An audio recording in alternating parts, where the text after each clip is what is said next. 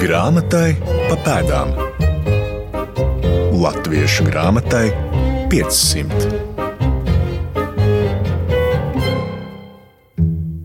Zīmīgi, ka 19. gadsimta latviešu literātu lielākā daļa cēlušies no mazāk vai vairāk situētām saimnieku ģimenēm.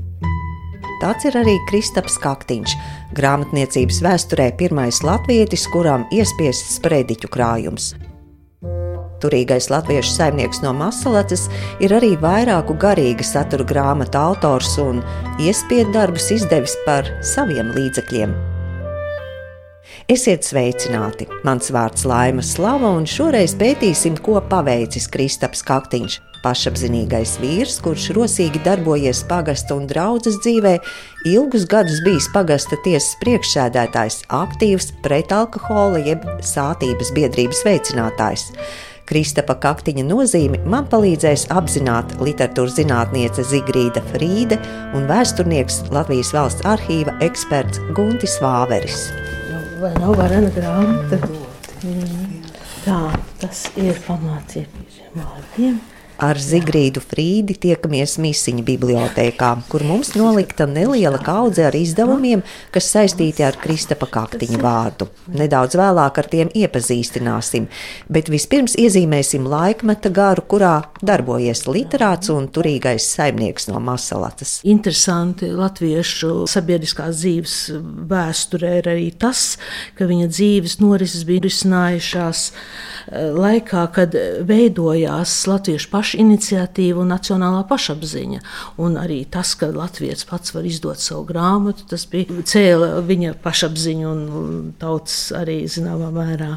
Lielākā viņa darba daļa nav publicēta, un nav publicētas viņa pret zemes likumdošanas netaisnībām vērstās dedzīgās apceres un viņa plašo literāro publicisko rakstu daļa ir iesniegta, bet nav publicēta. Viņa saucās grāmata. Nu, šajā gadījumā nu, varbūt, nu, tā rakstījums grāmata arī bija vēstule. Grāmata, ko brālis brāļam rakstīja par to latviešu rakstītāju Kristapu Kaktingu. To viņš pats bija it kā par sevi rakstījis.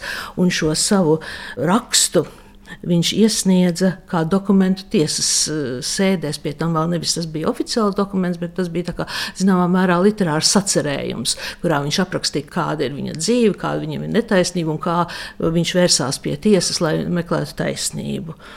Viens no šiem eksemplāriem paša Leitāna būtiski pārrakstīts un rediģēts ir saglabājies. Un Kaktiņš tiesājās ne tikai Rīgā, arī Pēterburgā. Es nezinu, bet iespējams, ka tur arī viņš līdzi bija ņēmis šo savu rakstu. Un arī viņa cits manuskripts, garīgās dievu lūgšanas, iekš dažādām miesas vajadzībām, kurā bija trīs sprediķi klāt pie šīm lūgšanām, tātad dzējas tekstiem.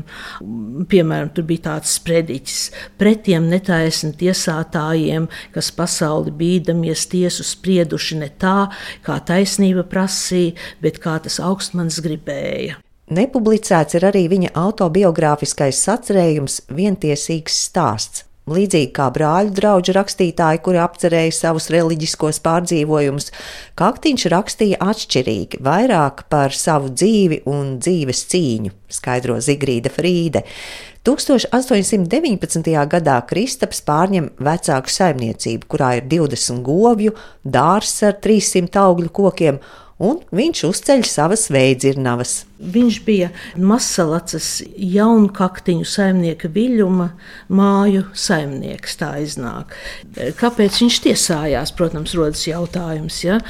Kaktiņš uzskatīja, ka pēc 1804. gada likumiem ir jādzīvo, kad, kad, ka, ja tu esi iekopis mājas, tad viņi pienākās, bet pēc zimtbūšanas atcelšanas likuma mainījās. Un uh, mūža varēja saimniekus pat izvēlēties, likt citur, neraugoties uz to, kādu mājas iekopis un cik tev veicās. Nu, protams, pirmkārt jau mūža atbrīvojās no tiem saimniekiem, kuri sliktāk strādāja, kuriem negāja darbi, bet bieži vien arī tādi cilvēki kā Kaktiņš, kurš nebija diezgan droši vien mužai eh, simpātisks ar savu attieksmi, arī pazaudēja mājas, un tas viņam bija liels sirdsēs, tāpēc viņš tiesājās ļoti gadiem ilgi. Grāmatai pa pēdām. Domāju, ka tur mēs varam. Ar kuru virzienu mēs varētu? Pirms iepazīstam tuvāk kaktiņa literāro veikumu īsts atskats raidījumā par 19. gadsimta sākuma Rīgas grāmatu izdevējiem. Mana kolēģe Māra Rozenberga kopā ar literatūras zinātnieku Paulu Dāju pētīja vecrīgā vietas, kuru grāmatu spiestuvis atradušās. Izskanēja arī kaktiņa vārds. Grāmatniecības vēsturnieks Aleksis Apīnis ir izpētījis to, ka Kaktiņš izdeva grāmatas par savu naudu, bet drukāja pie Millera. Tātad faktiski būtu titulapā rakstīts Rīga, Millers, 1843. gads. Bet īstenībā par izdevēju būtu jāuzskata, ka Kaktiņš Millers ir iespiedējis. Millers ir ar mieru izdot, ja Kaktiņš apmaksās šo izdevumu. Sprediķu krājums, svētas patiesības liecinieks tirāža ir 1555 eksemplāri, kas eh, tātad kaktiņam izmaksāja 1000 rubļus. Klāt nāca maksa Ansim Leitānam par rediģēšanu, iesējējiem par iesiešanu, vēl kādi papildus izdevumi kopā gandrīz 2000 rubļu, kurus kaktiņš samaksāja. Nav jau tā, ka visi zemnieki bija nabadzīgi. Īstenībā mēs ļoti bieži caur šādiem stāstiem redzam, ka bija savi ietaupījumi un lūk, izdot grāmatu. Citiem latviešiem lasīšanai tas šķita pietiekami vērtīgs naudas ieguldīšanas veids. Izpētes augsta. Nav šaubu, ka Kristaps Kaktiņš bija spēcīga rakstura un pašapziņīgs vīrs, kurš apkārtējā sabiedrībā izcēlies. To apliecina Zigrīda Frīde un pievērš uzmanību viņa portretam, kas iespiests nu pat pieminētajā kaktiņa pašsacerētajā sprediķu krājumā Svētas patiesības liecinieks uz sprediķu vīzi. Viņš pats ir iespiedis savu portretu grāmatā.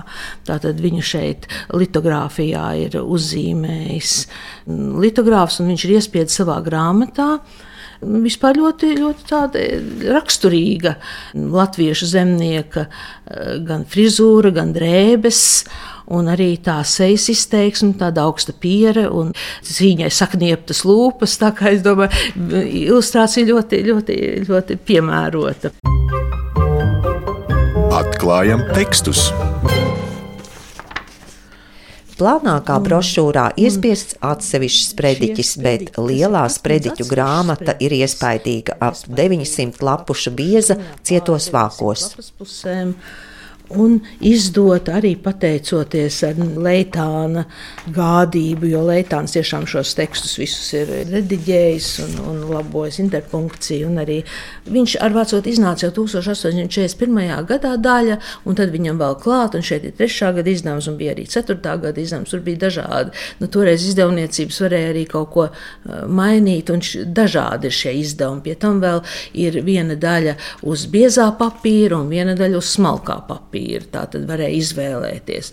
Un Kaktiņš šo grāmatu arī pats pārdeva. Man liekas, viņš no pirmā izdevuma pat 600 eksemplārus pats bija izplatījis un arī pats tātad iesēja un arī izvēlēties, kā šo grāmatu iesiet. Bet vispār ļoti, ļoti tāda liela un svarīga grāmata. Bet Sprediķu žanrs no literārā skatu punkta varētu teikt, ka ir publiska monologa formā sastādīta uzruna. Un praktiski šī visa lielā uzruna ir Kristapa Kaktiņa uzruna latviešu tautai, ja tā varētu teikt. Noteikti jāpiemina, ka par šo grāmatu ir atstājis ziņas no tā laika mācītāja viedokļa, latviešu avīžu populārākais redaktors Pantēnijus. Ja, Pantēnijus e, publicēja ziņu par grāmatu, kurā viņš recenzē šo grāmatu.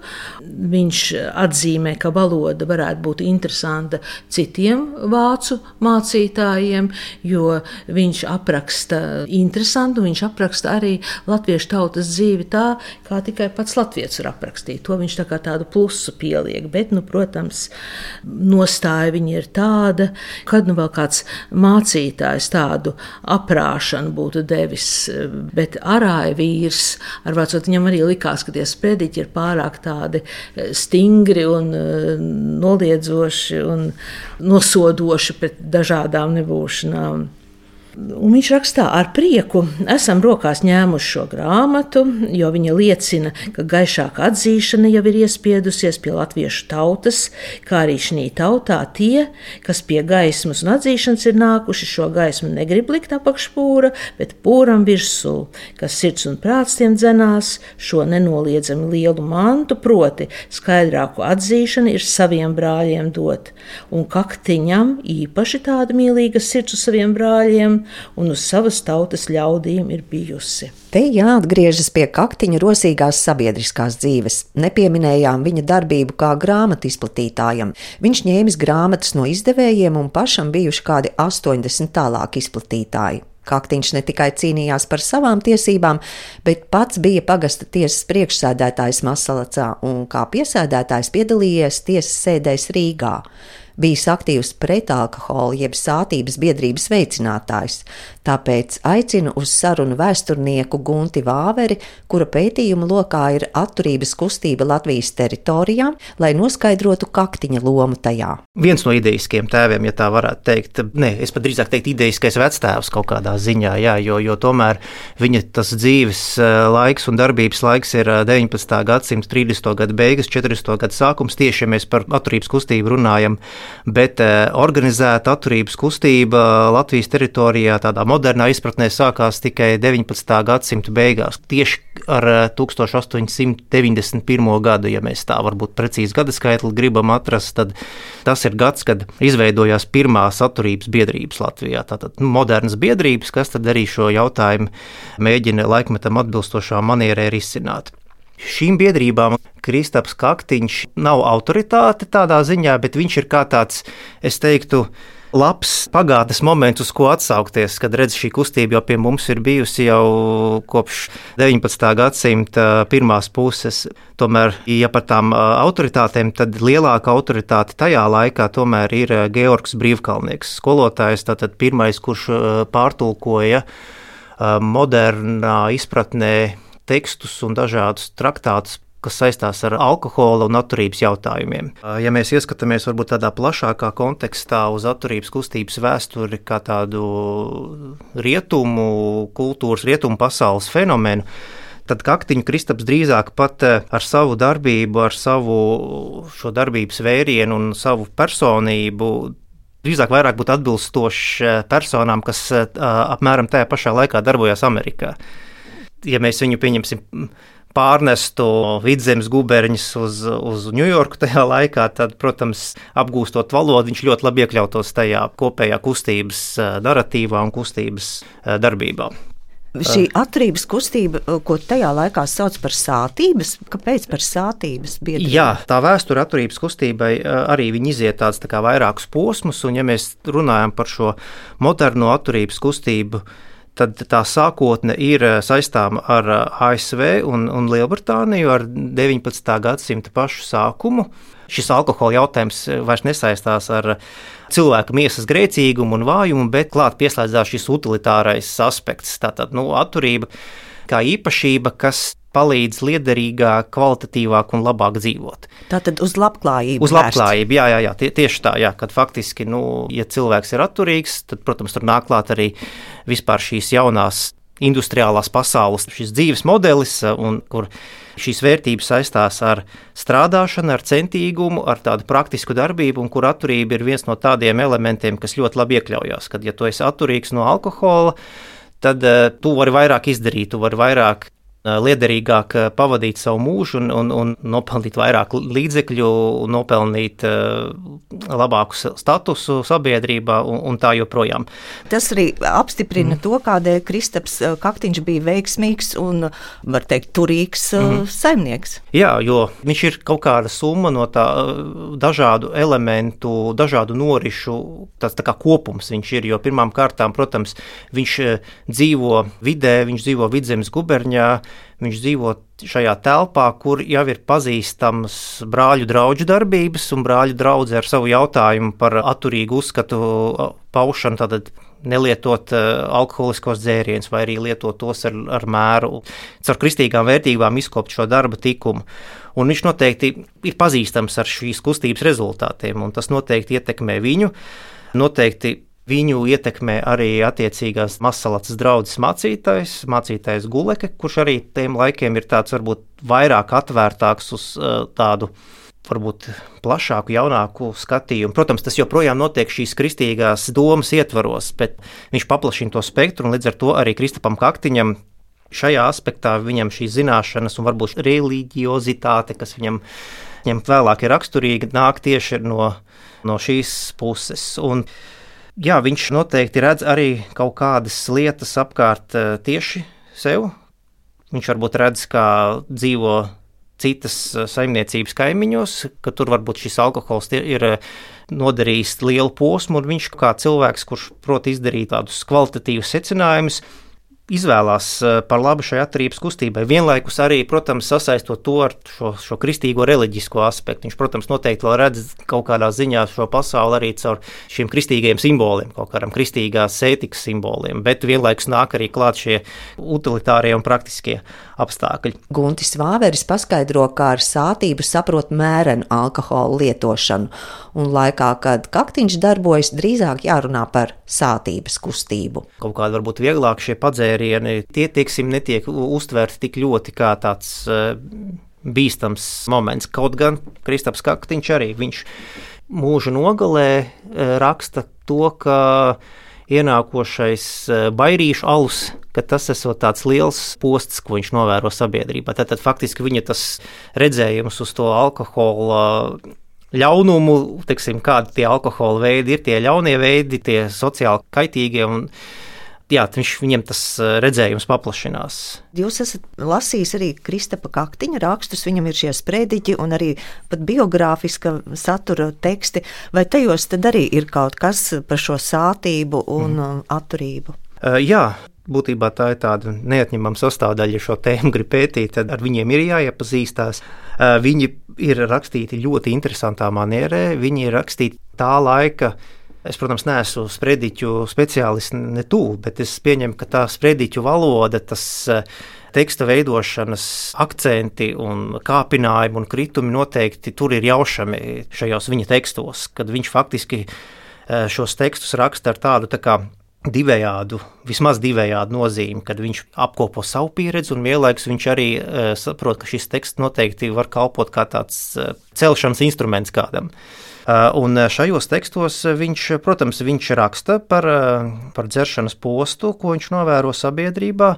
Viņš raksta arī par uh, vēlmi izveidot kopēju sabiedrisku izpratni par to, ka alkohols ir kaitīgs. Viņš tieši tekstos nenorāda uz to savu vēlmi šo biedrību dibināt, kas ir ar ko viņš ir šajā kustībā pazīstams, ka viņš varētu būt bijis pirmās latviešu biedrības gandrīz vai dibinātājs. Uh, bet viņš šajos tekstos tā atkal jau ar dažādām šīm kristīgo simbolu valodām un frāzēm viņš stāsta tās lietas, kas uh, Viņam kavējas šo biedrību izveidot, ka tur ir, protams, ir, viņš nesauc vārdos, bet ir eh, skaidrs, ka tur ir pretestība no garīdzniecības, no luterāņu garīdzniecības puses, tur ir pretestība arī no mužniecības puses. Tur, tā, jau 19. gadsimta 30. gados eh, joprojām šī izpratne kaut kādā ziņā par to, šie cilvēki, ka viņi jau ir brīvlaisti, bet viņi joprojām ir šeit, tad, protams, ir jāsaprot, ko ar viņiem tagad visiem darīt, kā viņus disciplinēt, kā viņus ievirzīt.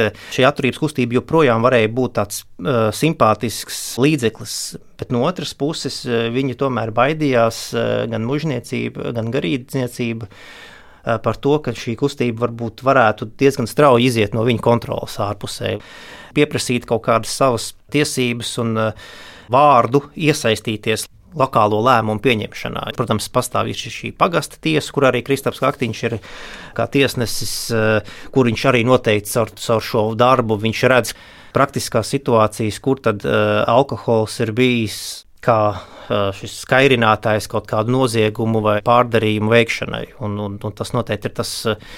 Vēl viens elements, kas viņam dod vēl lielāku šo pārliecību, kādēļ eh, šī kustība, šī ideja būtu iedzīvināma. Sātības kustība Masalacā Kristaps Kaktiņš aizsāk 30. gados. Mācītājs Guleke draudzes kronikā norāda, ka tā aizrāvusi vairākus simtus draudzes locekļu. 1837. gadā savu priekšlikumu sātības biedrības dibināšanai Kaktiņš aizsūta uz Rīgu mācītājiem izskatīšanai. Kā bija presē rakstīts pēc saviem vientiesīgajiem ieskatiem, un nu, tā vismaz Lutāņu mācītāji raksta pēc vientiesīgas e, domas un vientiesīgiem ieskatiem. Viņš uzliek kaut kādus šos pirmos biedrību statūtu punktus, Viņam tobrīd ir sakari ar tas latviešu ļaužu drauga izdevēju redaktoru Jāņa draudzes mācītāju Hermanu Treju. Un būtībā nosūta šo ideju izvērtēšanai. Bet tā, protams, negūst atbalstu jau manis minēto iemeslu dēļ.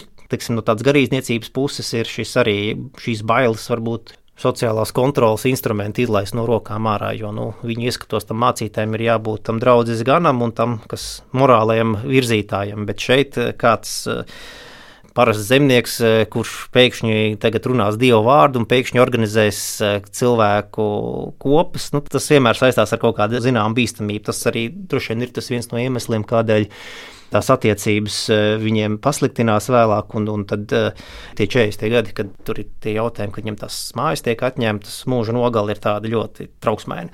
Bagāto kaktiņu māju saimnieks, kad von Fītinghofi uzteica nomas līgumu, mūža nogalē bija spiests apmesties Pēterupes draudzē pie viena no saviem dēliem, skolotāja Mārtiņa. Kristaps Kaktiņš pēc eh, ziņām it kā ir gājis mūža skolā, bet nu, apziņas nekādas tādas ziņas nav atradis. Viņš pieļauj domu, ka tā ir vienkārši pašmācība. Un savukārt saviem dēliem viņš gan deva iespējami lielāku izglītību, un viņi abi mācījās uh, cimdas skolotāja seminārā, abi bija skolotāji, pie dēla Mārtiņa viņš pavadīja savas vecumdienas, bet viņa otrs uh, dēls Jānis arī ir palicis literatūras vēsturē, jo viņš kopā ar citu skolotāju Rīgā izdeva to laiku, kad kļuva populāri uh, tingaļi, tangaļi ziņas, ziņas un tādas lietas, tad bija šīs ziņu lapas, bet viņi izdeva pirmo tādu pašu, arī tiešām pirmo latviešu sastādīto plašu dziesmu krājumu. E, tas saucās simts dziesmas un ziņas ar notēm jaunekļiem par labu sagādāts no Jāņa Kaktinga un Jure Caunīta. 1859. gadā. Nu, šeit bija ne tikai e, tingļi, tangļi un ziņas, bet šeit ir arī tādas literāras dziesmas, kā par populāru kļuvusi Anša Līventāla skumjā ziņa Matīsiņš un vai Jāņa Ruģēna latviešu draugu dziesma, kad atnāks latviešiem tie laiki, tās jau palikušas tādas literatūras vēsturē tā kā pie svarīgiem tekstiem. Grāmatai pa pēdām. Atgriežamies vēl Misiņa bibliotēkā, kur šķirstām Kristapa kaktiņa arī pašfinansētu nelielu kristīgu pamācību.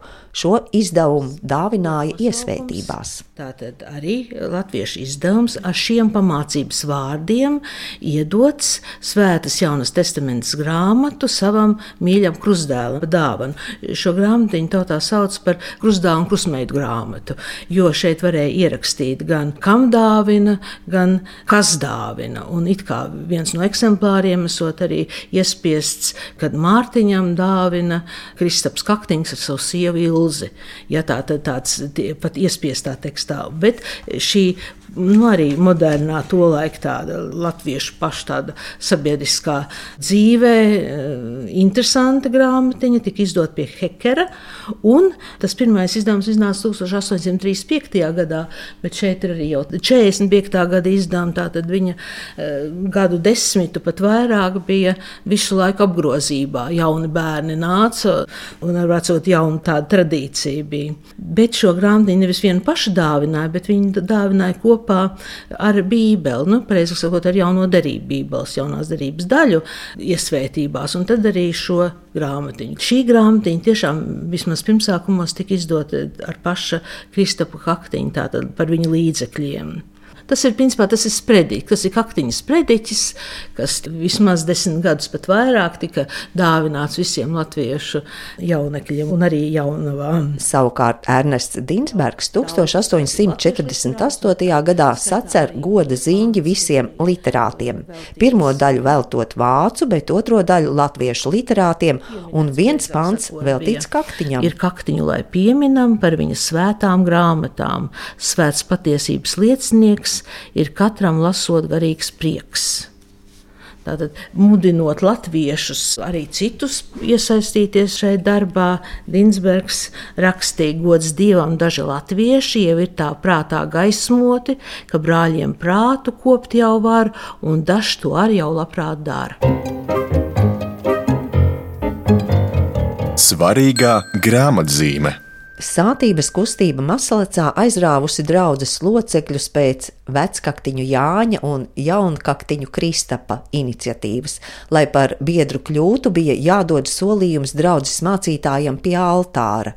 Guntis Vāveris apliecina, ka sātības solījumam turpinājums sekojas vēl gadu desmitus. Vēsturnieks un jurists Adolfs Šildē, ja nemaldos, viņš savos pētījumos konstatēja, 30 vai 40 draugus apmēram, kurš, kurš šie sātības solījumi ir parakstīti. Tu mēs varam runāt par tādu kā lokāla līmeņa masu kustības kā aizsākumu, kas, protams, dažādu iemeslu pēc neturpinās 40. gadu otrajā pusē.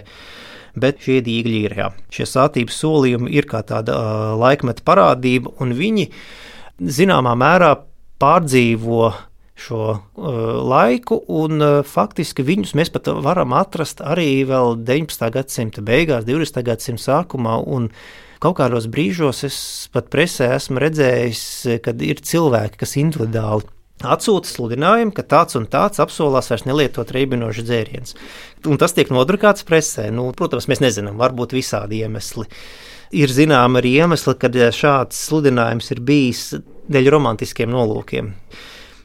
Protams, šīs kustības tāds uzplaiksnījums, e, viņš noteikti neapdzies tik strauji, kā varbūt šķiet. Es, es domāju, ka kaut kādas šīs izmaiņas uzvedībā viņas paliek. E, drīz pēc tam jau ir jaunatviešu laiks, kur arī Valdemārs raksta, ka nevis jāsēž piesmukušos krogos, bet ir bibliotekās jāsēž. Tas viss kaut kādu to iedīgli ir atstājis, kaut kādu sēklu tam visam. 50, 60 gadi ir tāds klusais laiks, bet varbūt ne tik kluss, kā varētu šķist. Grūti mūsdienās izsvērt, kas pelna lielāku ievērību - Kristapa kaktiņas prediķu krājums vai rosīgā sabiedriskā dzīve. Katrā ziņā raidījumam par grāmatniecības vēsturi labi der ieteikums sēdēt bibliotēkās, nevis krogos. Šoreiz īpaši paldies Mīsiņa bibliotēkai par sagādātajiem kaktiņa izdevumiem, un, protams, paldies saku literatūras zinātniecei Zigrīdai Frīdei un vēsturniekam Guntim Vāverim par dalīšanos zināšanās. Par raidījuma skanējumu rūpējās Normīts papa producente Santa Lauga, ar jums sarunājās Laima Slava. Raidījuma padomdevējs Latvijas Nacionālā bibliotēka. Grāmatai pa pēdām. Latviešu grāmatai 500.